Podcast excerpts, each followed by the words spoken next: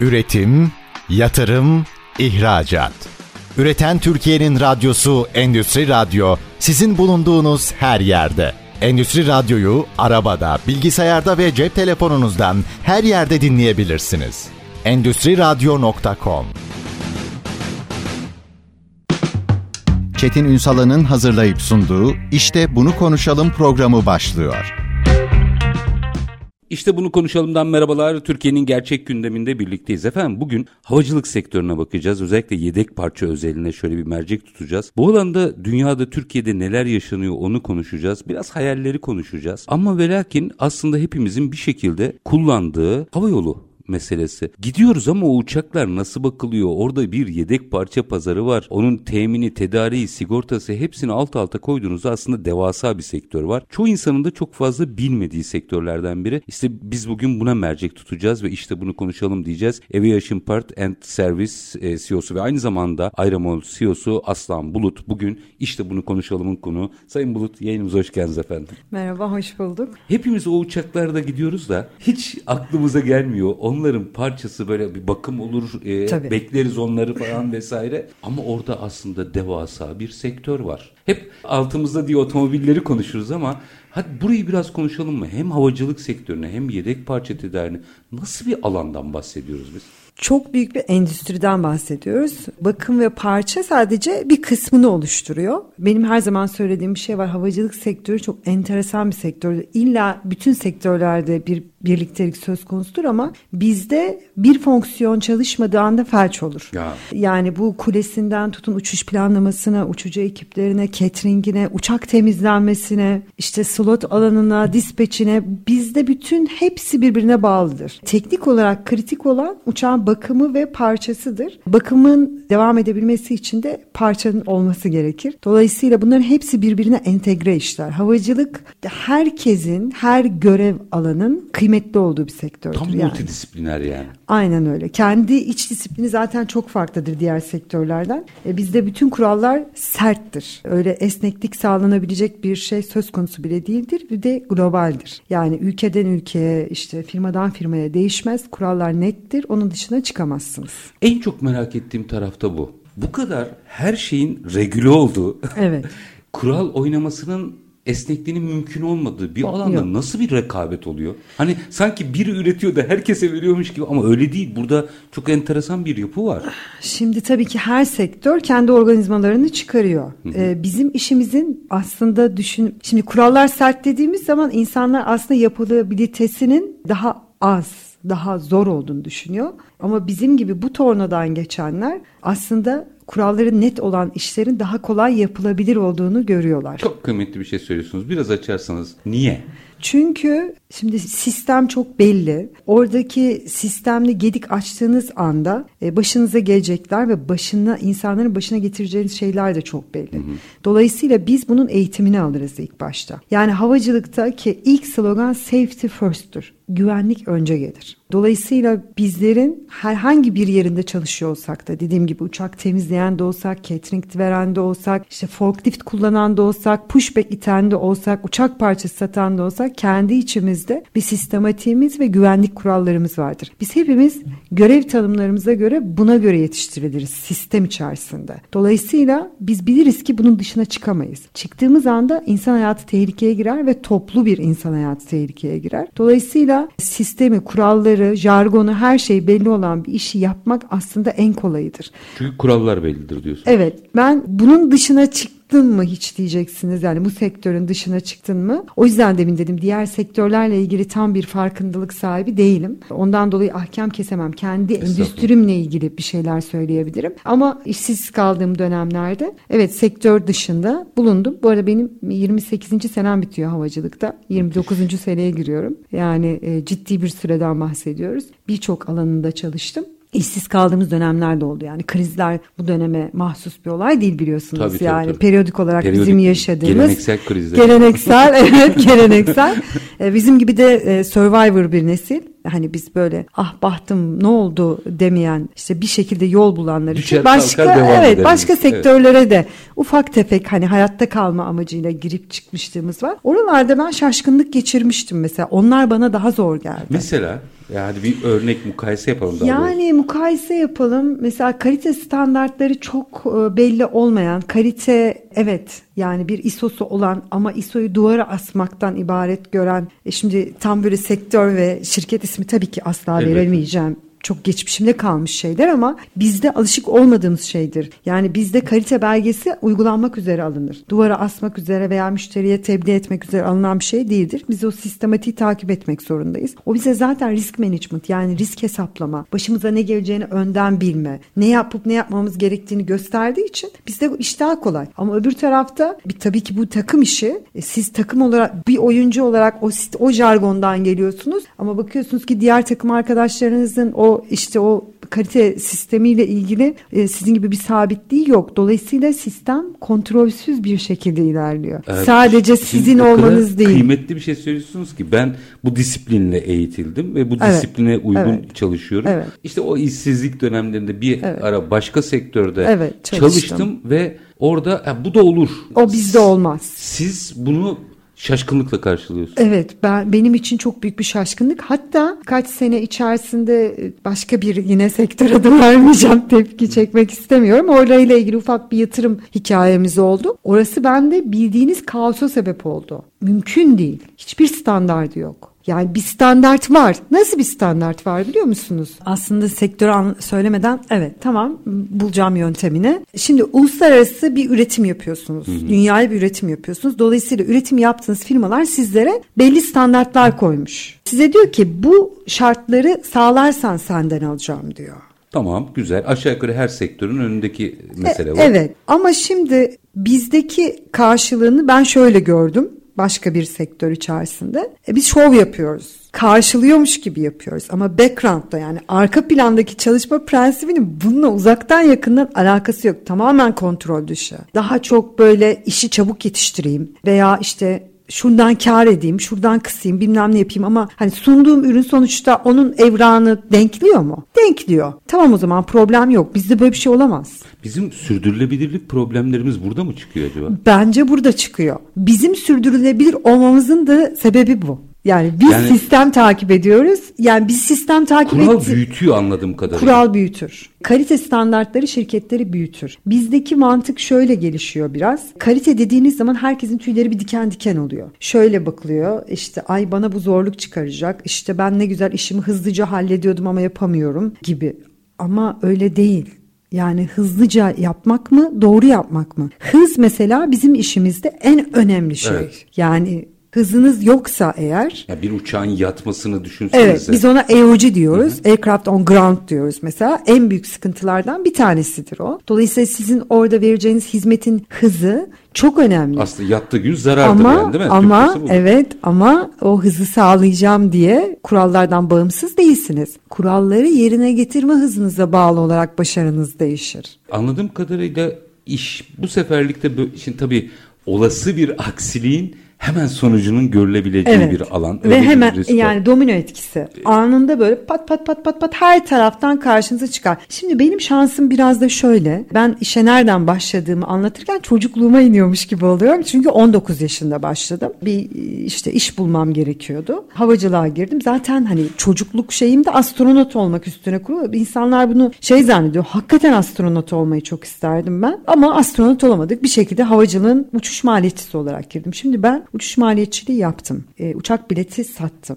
Kontuarda çalıştım, check-in yaptım. Ondan sonra uçak sigortası eğitimi gördüm. Aynı zamanda satellite, uydu sigortası eğitimi de gördüm. Ondan sonra uçak bakım satış şefliği yaptım. Dolayısıyla çok böyle farklı kanallarda çok farklı işler yaptım. Bundan dolayı bütünlüğü görme şansım var. Orada sistemi gördünüz aslında. Aynen öyle. 3 aşağı 5 yukarı sistem bellidir. Ve dediğim gibi ana başlık safety first'tür. Ve siz her şekilde birbirini etkileyen yani şimdi şöyle söyleyeyim size ne diyeceksiniz? Uçak temizlerken neye dikkat edilmesi gerekir? Standardı var. Standardın dışına çıkamaz. Süre standardı Ali'ye var. göre, Fatma'ya göre yok. Aa süre standardı var. Kimyasal standardı var. Her şeyin bir standardı var yani. Bunların dışına Bu çıkamazsınız. şokunuzu keşke sevgili dinleyiciler burada benim gördüğüm gibi yani gözleri açılarak anlatıyor Sayın Bulut. Çünkü böyle bir şeyin olamayacağını Olamaz. düşünüyorsunuz. Şimdi o kadar hissediyoruz, hissediyorum Evet. ki. Ama diyorsunuz ki hasbel kader başka bir sektöre, iki sektör diyelim. Evet. İki farklı sektörde bunların olduğunu görünce Şok inanamadım. oldum. Evet. Benim orada başarılı olma şansım hiç yok. Çünkü esas olan kuraldır diyorsun. Esas olan yani biz o tornadan geçtik. Biz o tornanın adamıyız. Ya bakın mesela benim girişimde bana tabanda fikir veren, ışık tutan bir kalite eğitimimdir mesela. Ne kadar süre önce aldım? 25 sene önce aldığım bir kalite eğitimi yani biz hava yolundayken bize bir kalite eğitimi verilirken orada bir şeyin kaliteli olup olmadığının yani laf arasında hani böyle laf arası değil anlatılıyor ama hani herkesin aklında o başlık altında kalır mı bilmiyorum ama benim için o başlık altında kaldı. Bir şeyin kaliteli olup olmadığı bir ürünün devamındaki teknik desteğe bağlıdır. Ne kadar eğer teknik desteği sürdürülebilirse o şey aslında kalitelidir. Şimdi bu benim için çok önemli. Doğru. Bu benim aklımda böyle şey gibi çivili bir şekilde duruyor. Bende girişim hissi de uyandırıyor bu. Mesela ne? İHA, mesela drone.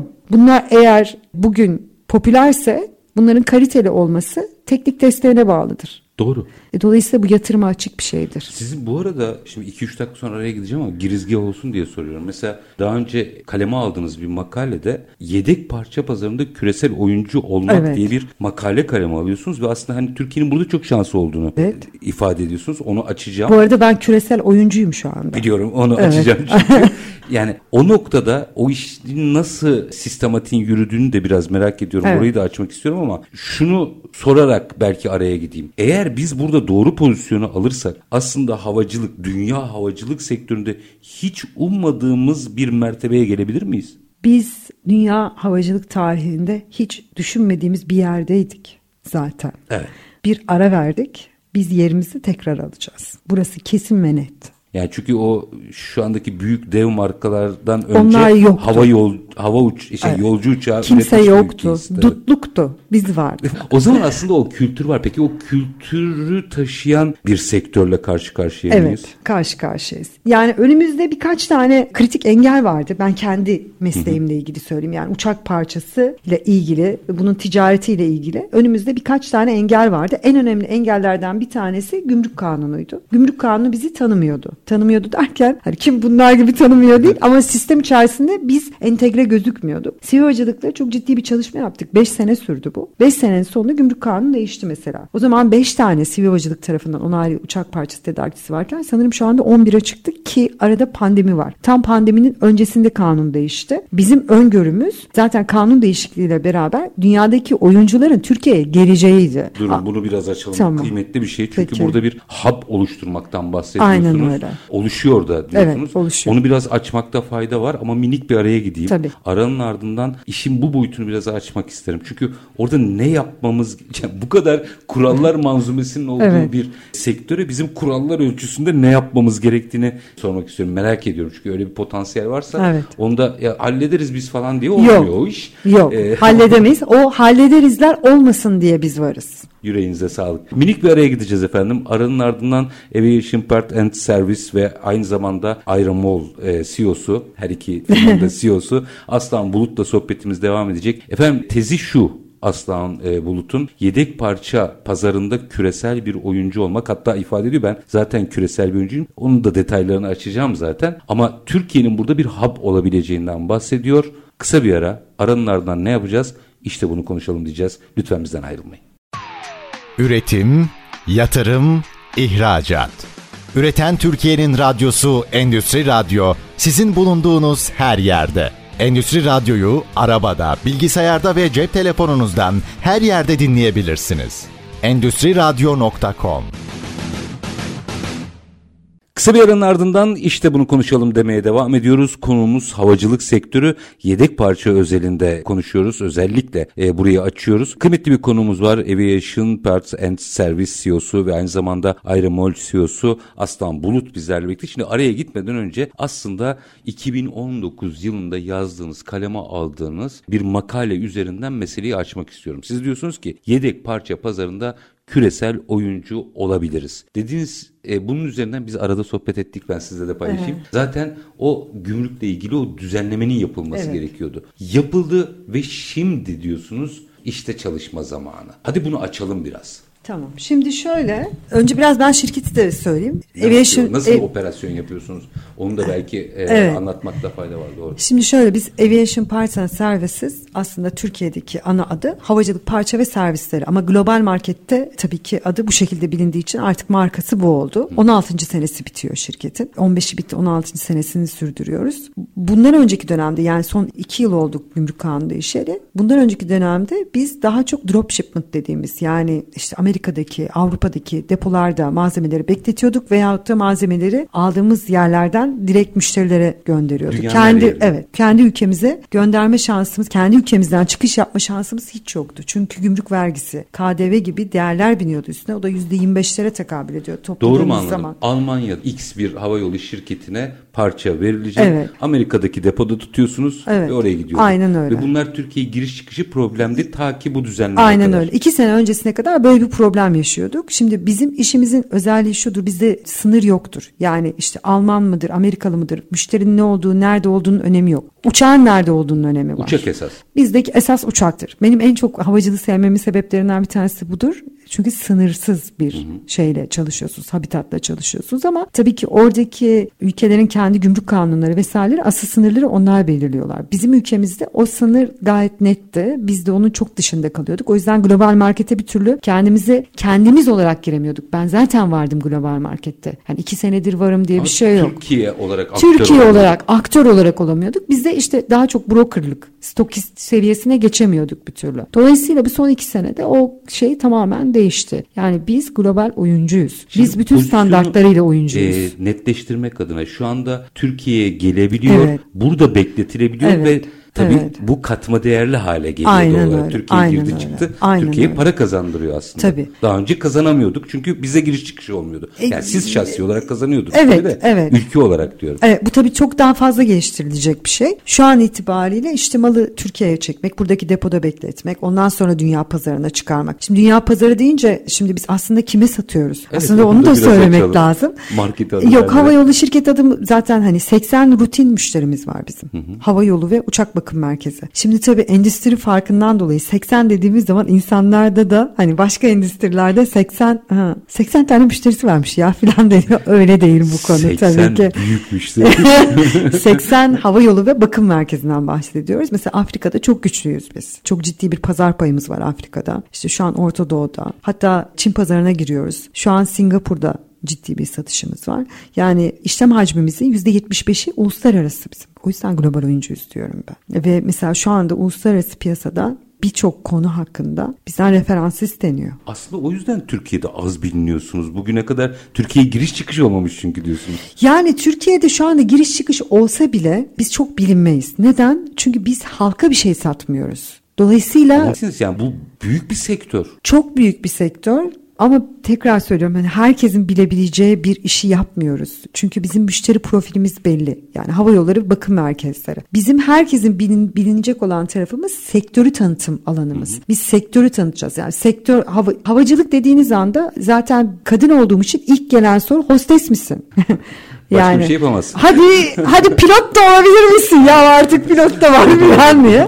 Dolayısıyla yani sektörü işte hostes, pilot daha da fazlası benim daha şu ana kadar soru olarak Belki gelmedi. yer hostesi Yer belki. hostesi falan ki yer hostesi de yaptım ben. Dolayısıyla sektör bundan ibaret değil. Sektörün geçmişi zaten çok derin bizim ülkemizde. Biz şimdi aradayken konuştuk. Maalesef hiçbir şeyimize gerçekten bakmıyoruz. Bakıyormuş gibi yapıyoruz. Eğer bakarsanız havacılığın Türkiye'de çok önemli bir sektör olduğunu, çok önemli bir endüstri olduğunu görürüz, biliriz ve bunun bizim kabiliyetlerimiz dahilinde olduğunu da biliriz. Yani TAI Airbus'un uçak kanat dizaynını yapıyor. Türkiye'de o kadar çok uçak parçası üreticisi var ki alt yüklenici ama. Ama adı geçmiyor. Geçmez çünkü alt yüklenici olarak. Yani bizim kabiliyetimiz ciddi oranda bir kabiliyetimiz var. Dolayısıyla hem üretim açısından dünyada aslında Türkiye biliniyor Ama tabii belli firmalar, belli kurumlar açısından biliniyor. Hem de biz yaptığımız işte zaten biliniyoruz. O yüzden global oyuncuyum dedim. Yani ukalalık olsun diye söylemedim. Gerçekten global oyuncu olduğumuz için söylüyoruz. bunu, bunu kabul aslında... ettirmek zordur. Kabul ettirdik. Şimdi benim sivercılıktan onayım var. Türkiye'de uçak parçası satabilmeniz için sivercılık tarafından onay tedarikçi olmanız gerekiyor. Benim AS 9120 belgem var. Uluslararası bir belgedir. AS 9100 belgesi üretim için verilir. AS 9120 belgesi üretilen parçayı satma yetkisidir. Sizin dertlendiğiniz şeyi ben ilk meseleyi incelerken de anladım. Siz zaten işinizi yapıyorsunuz. Evet. Siz Türkiye bu konuyla ilgili bir hub bir hani zaten üretimini yapıyor. Adı duyulsun. Bu Türklerin evet. o densin evet, istiyorsunuz. Evet. Yani bu bir Dertlendiğiniz bu, şey bu ben aslında. evet dertleniyorum. Şöyle ben bu dilekçeyi kanun değişikliği ile ilgili dilekçe ilk verdiğim zaman kimse bana inanmamıştı. Yani tabii ki hani ne olacak? Bu diye. da bir bu da bir ön yargı. Ben onu açık ve seçik söyleyeyim yani öyle. Kimseyi tanımıyordum, etmiyordum. İşte devletten, hükümetten, oradan, bir buradan, kurumlardan. gidip verdiniz. Aynen öyle. Çünkü inanmam ben böyle şeylere. İnanmak lazım. Duvarlarınızı kendiniz koyarsınız. Doğru. Olmayacağına inanırsanız, yapamayacağına inanırsanız yapamazsınız zaten. Ama herkes bana işte seni kim takar, şöyledir, böyledir. İşin kendisini takacak. Benlik bir durum yok yani. Ben sonuçta aktris falan değilim. Sahne almayacağım yani. İşimi de yapıyorum zaten. Yani işimi yapıyorum. Olması gereken bu. Bakın bütünün hayrına, işin hayrına olan her şey sonunda gerçekleşir. Bu bu kadar basittir aslında. O zaman da kimse inanmamıştı ama benim hazırladığım dosyada, sunumlarda her şeyde ülkemin hayrına olacak. Ha, olmasa olmasa nasıl olurdu? Ben istediğim yerde uçak parçası işi yaparım. Onu yapıyor musunuz zaten? İstediğim yerde yaparım. Giderim istediğim yerde uçak parçası deposu açarım. Çünkü yetkinliğim var. İşi biliyorum, sertifikasyonlarım var, bilinirliğim var, güvenilirliğim var, reputasyonum çok yüksek uluslararası pazarda. Siz diyorsunuz ki burada ekosistemi Bunun için lazım. yapmadım. Bunun için gidip hiçbir yerde uçak parçası deposu açmadım. Açsaydım bunun için ısrar etmeyecektim çünkü. Ben çok iyi biliyordum bunu. İşimi halletmiş olacaktım. Ee, bizde shortcut yani kısa yoldan işimi çözeyim mantığı çok bilmiyorum genlerde hızlı hareket etmekte. Ama değil amaca gidemiyorsunuz. Dolayısıyla hakikaten Sivil gittiğimde ondan sonra Can Bey vardı kulakları çınlasın. Bilal Ekşi Bey daha çok Bilal Bey'le de çok enteresan o zaman e, Sivil Genel Müdürüydü. Biz belli bir noktaya gelmiştik Bilal Bey'le. Beni ciddiye aldığı için o kadar mutlu olmuştum ki ben. Sonra kendisi Türk Hava Yolları'na geçince herkes hayırlı olsun der ya biz bir fuarda karşılaştık. Bilal Bey dedim ki yani hayırlı olsun da ben çok üzgünüm dedim yani. Çünkü Tam öyle bir öyle bir süreç ki bu. Şimdi yani iş kendi başına zaten çok anlatmanız ve çok ikna etmeniz gerekiyor. Hep böyle bir başa dönme süreci ama sonrasında Can Bey, Can Erel Bey sağ olsun çok destek oldu. Yani kurumlardan Özcan Bey çok destek oldu. Yani kurumlardan bürokratlar çok ciddi destek oldular. Çünkü konuya daha doğrusu konuyu vakıf olan biri evet. ne istediğinizi anlıyor. Çünkü şöyle gitmedim. Ya benim için, benim şirketim için bir şey yapar mısınız demedim. Böyle bir sektör var. Tabii ki devlet bir vizyon üretmek zorunda değil. Devlet bize vizyon üretip de şu işi yapın diyecek diye bir şey yok. Ben bu devletin bir vatandaşı olarak bir vizyon ürettim ama devlet benim bu vizyonu koymam için önümdeki taşları kaldırması lazım. Dolayısıyla aramızdaki işbirliği bundan ibaret. Bu saatten sonra şimdi o, o noktayı aştığımıza göre bu saatten sonra neyi doğru yaparsak Türkiye'yi hub haline getiririz özellikle yedek parça pazarı. Zaten olmaya başladık onu söylemiştim. Bizim maalesef şanssızlığımız bu pandemi döneminin girmiş olmasıydı pandemi dönemi girdiği için ilk vurduğu şey havacılık sektörü oldu. Yani hepsi, ilk hep ilk duran şey o oldu. Hatta benim için de çok enteresandır. Ben diyorum ki bu benim büyük sözümden başımıza geldi diyorum. Çünkü bana diyorlardı ki her şey durur, havacı, havacılık sektörü niye seçtin? Dünyada her şey durur bu durmadı ilk o durdu. Diyorum ki Allah'ım büyük söylediğim yani gerçekten büyük sözüme gelmişim gibi oldu. E, durdu ama bizde tabii yine durmaz. Bakım, Şimdi, onarım devam edecek. İş durmaz uçak, da. Aynen öyle. Ömürlü durur. parçaları olan uçak ister yatsın ister kalksın illaki bir şeyi vardır yani. Ama nedir? Bakın yine kalite sistemi. Şimdi kalite sistemini öyle bir uyguluyoruz ki biz size kontak kapattırmıyor. Hızınız düşüyor. Çünkü risk management dediğimiz şey bu tip durumu öngörmeseniz bile herhangi bir sıkıntılı durumda ne yapacağınız da belli. Dolayısıyla 100 kilometreyle gitme kardeşim 20 ile devam et diyor sana. Ama git. Siz ama git. Kontağı kapatma. İşte bak bu da önemli. Şimdi bizim burada depolarımız olacak. Öyle Şimdi benim uçak parçası depom var ülke olarak da böyle depolar olacak evet, anladım şu anda evet evet depolar açılıyor zaten. Aeromol'un hikayesini hani vaktimiz Hı-hı. olursa o benim proje şirketim. Bende böyle bir şey var. Bir şeyi aklıma gelir, çizerim Eğer Atarım. çizdiğim şey evet bak bu olur bu resmi beğendim dersem şirketini kurarım. Ya bi- birazdan soracağım. Uçanı Ayramol de e, evet kurmuşsunuz evet çünkü. Ayramol dediğimiz şey zaten aslında bir marketplace.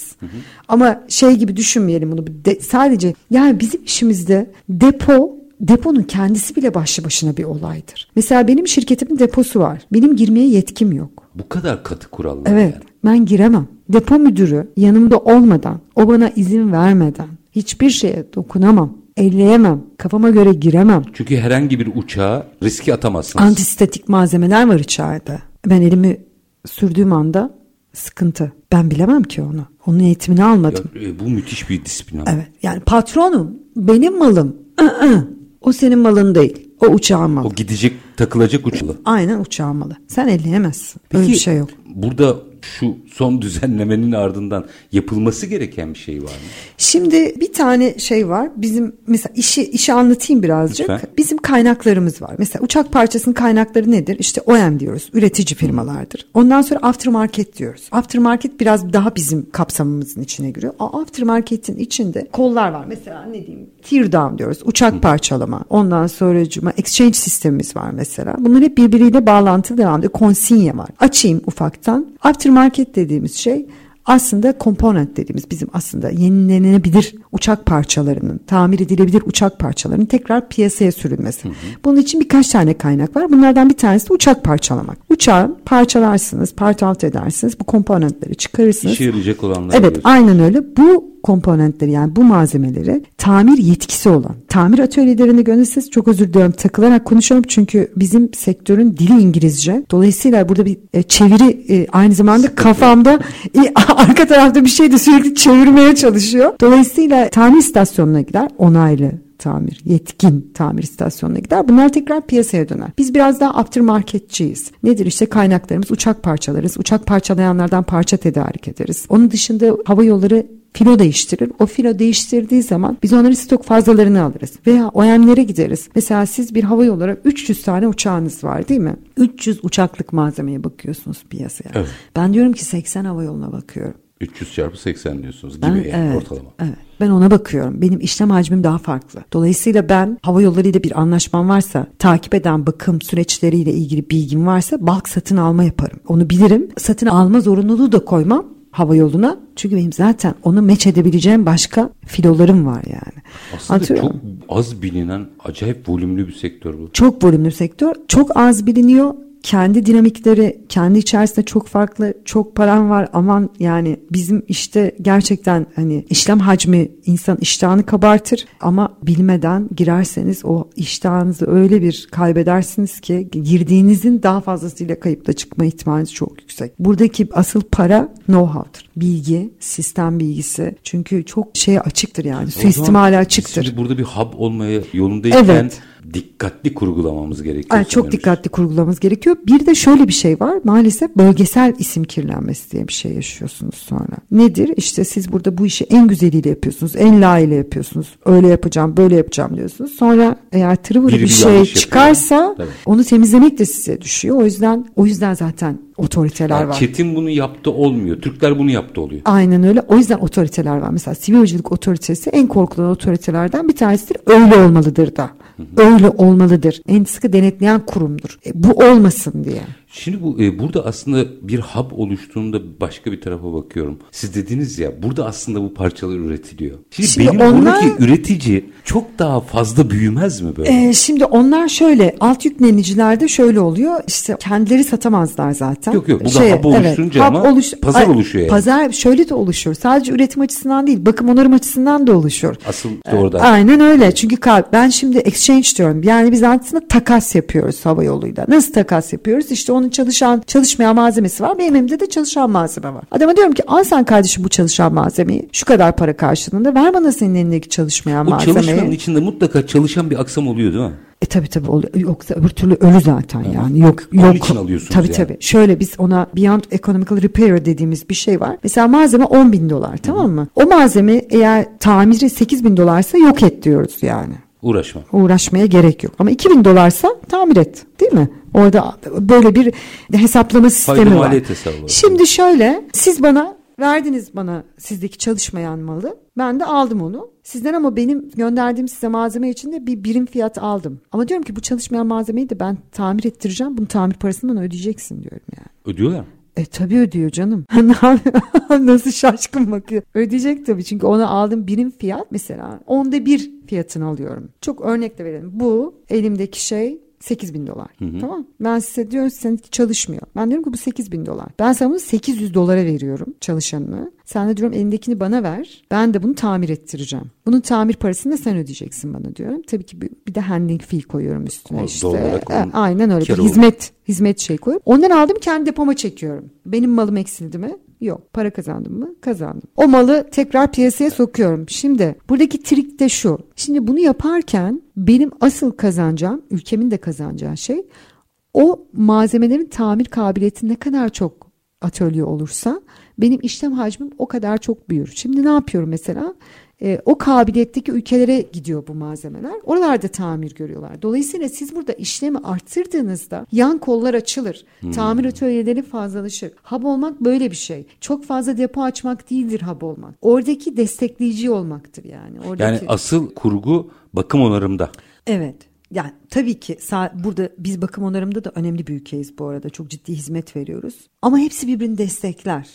Ve siz diyorsunuz ki bu ekosistem çok uzak değil. Yok yok başladı. değil var. Ve şimdi derli var. toplu e, bir hale gelmesi gerekiyor. Orayı da biraz açacağım. Yani tamam. nasıl büyüteceğiz orayı da konuşacağım. Ama minik bir aranın ardından. Tamam. Aranın, arayı verelim. Aranın tamam. ardından efendim Aviation Parts and Service CEO'su ve aynı zamanda Ayrımol CEO'su Sayın Aslan Bulut'la sohbetimiz devam edecek. Kısa bir ara lütfen bizden ayrılmayın. Üretim, yatırım, ihracat. Üreten Türkiye'nin radyosu Endüstri Radyo sizin bulunduğunuz her yerde. Endüstri Radyo'yu arabada, bilgisayarda ve cep telefonunuzdan her yerde dinleyebilirsiniz. Endüstri Radyo.com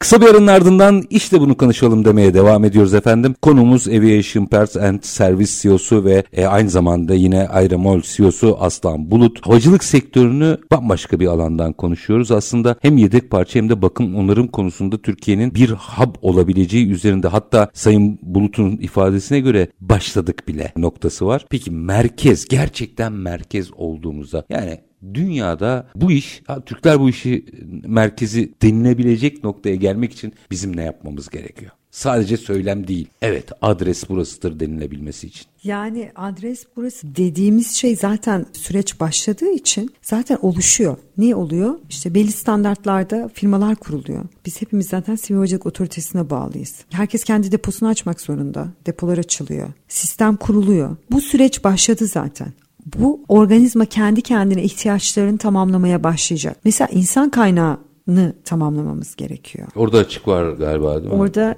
aslında fazlalık da var. Nitelikli insan kaynağından. Fazlalık da var ama açık da var. Ama bunların hepsi birbirini tamamlayacaklar süreç içerisinde. Bizim önümüzdeki en büyük engel kanun değişikliği. Kanun değişikliği gerçekleşti. Eşik değer açıldı yani aslında. Evet orası açıldı. Şu anda çok ciddi bir şekilde yani 11 tane onay tedarikçi ciddi bir sayı ki bizim beklentimiz yurt dışından gelecek olanlar. Daha oralarda hem bir resesyondan kaynaklanan hem bir sürü politik nedenlerden, uluslararası politik nedenlerden dolayı bir durgunluk var ama bunların hepsi geçici biliyoruz bu hikayeleri tabii, tabii. biz yani. yani Türkiye'nin lokasyonu ee, çok e, göz Şimdi o lokasyonla ilgili ben size bir şey söyleyeyim. Motivasyon olarak söyleyeyim ben size. 6 uçuş saati mesafede 8350 tane uçak operasyonda. Buradaki market hacmi ortalama 19 milyar dolardan bahsediyoruz. 6 uçuş saati kritik. Neden? 12 saat uçuş saatine de parça verirsiniz ama 6 uçuş saati kritik olan e, habitattan bahsediyoruz. Neden? Demin de söylemiştim. Bizde zaman çok Yaktığı önemli. Para. Evet. Aynı zamanda time difference dediğimiz yani işte Amerika'daki bir parça sağlayıcısıyla Türkiye'deki bir ihtiyaç sahibinin arasındaki o zaman farkı malzemenin çıkış süresini bile etkiler. Siz adama işte para mı ödeyeceksiniz? Para hesabına geçecekti. Bilmem ne olacaktı. O oradaki gümrükten çıkacak. O buraya İki gün demek o. Bakmayın doğru, siz yani. İki gün aslında. demek yani. Ama 6-300 saat dediğin zaman konunun rengi tamamen değişiyor. Bunu iyi anlatmamız gerekiyor sanki. Sektörün iyi anlatması gerekiyor. Bence dışarıdan birinin anlatabileceği bir şey değil bu. Yok bunu zaten bizim sektörde global olarak farkındalık yüksektir. Hı hı. Hepsi bilir. Kimin neyi, nerede, nasıl yaptığını. Yani herkesin göz ucuyla Türkiye şu anda bakıyor o zaman. E, çok ne uzun zamandan diye. beri bakıyorlar. Çok uzun zamandan beri bakıyorlar. Bana hatta bununla ilgili şey diyor soruyorlardı işte. Benim sunumlarımda da bu vardı işte yabancı yatırımcı mutlaka gelecek. Tedarikçiler mutlaka Türkiye'ye gelecek. Çünkü burası coğrafi olarak nedir abi bizim ilkokulda öğrendiğimiz şey? Yani ben gerçekten bu bilgiyle büyüdüm yani. Bizim coğrafi olarak çok ciddi bir değerimiz var. E kardeşim ben bunu niye dayağını yiyip duruyorum ya? Ben bunun meyvasını yemeyecek miyim Kesinlikle. hiçbir zaman yani? yani Anlatabiliyor muyum? Biraz da tersine bak. Evet ben şimdi meyve tarafında. Benim benim fokusum o tarafta.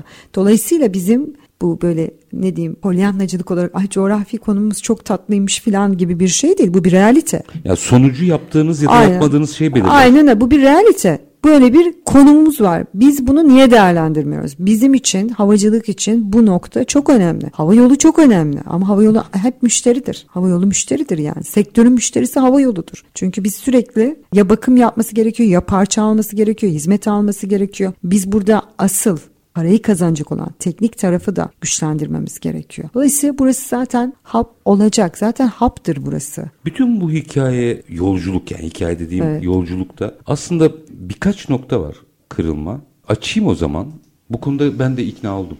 Bu arada Oldunuz e, mu? Doğru şeyleri yaparsak evet, evet. kaydına Hayır tekrar dediğim gibi şimdi do- ben neden bu kadar emin konuşuyorum? Doğru şeyleri yapmak bizim inisiyatifimizde değil de o yüzden bu kadar net konuşuyorum. yani ucundan biraz yumuşatamayız. Anlatabiliyor muyum? Doğru, yani güzel. inisiyatifimizde olmayan bir sektörden bahsediyoruz. Öyle kafanıza göre takılamazsınız. Burada birkaç noktaya dikkat çekiyorsunuz. Mesela demin de aslında konuşmamızda atıfta bulundunuz. Dediniz ki bizde bu kültür var. Yani biz herkesten önce yolcu evet. uçağı ucetmişiz evet. zaten. Evet. Bugün devlere daha olmadığı evet. dönemlerde. Ama mesela bilmiyor çoğu insan. Niye bilmiyor? Buna biraz mesela yanıyorsunuz. Evet. Yine bir makaleniz daha var. Eminim herkes okumuştur. Okumayanlar varsa mutlaka okumanızı öneririm.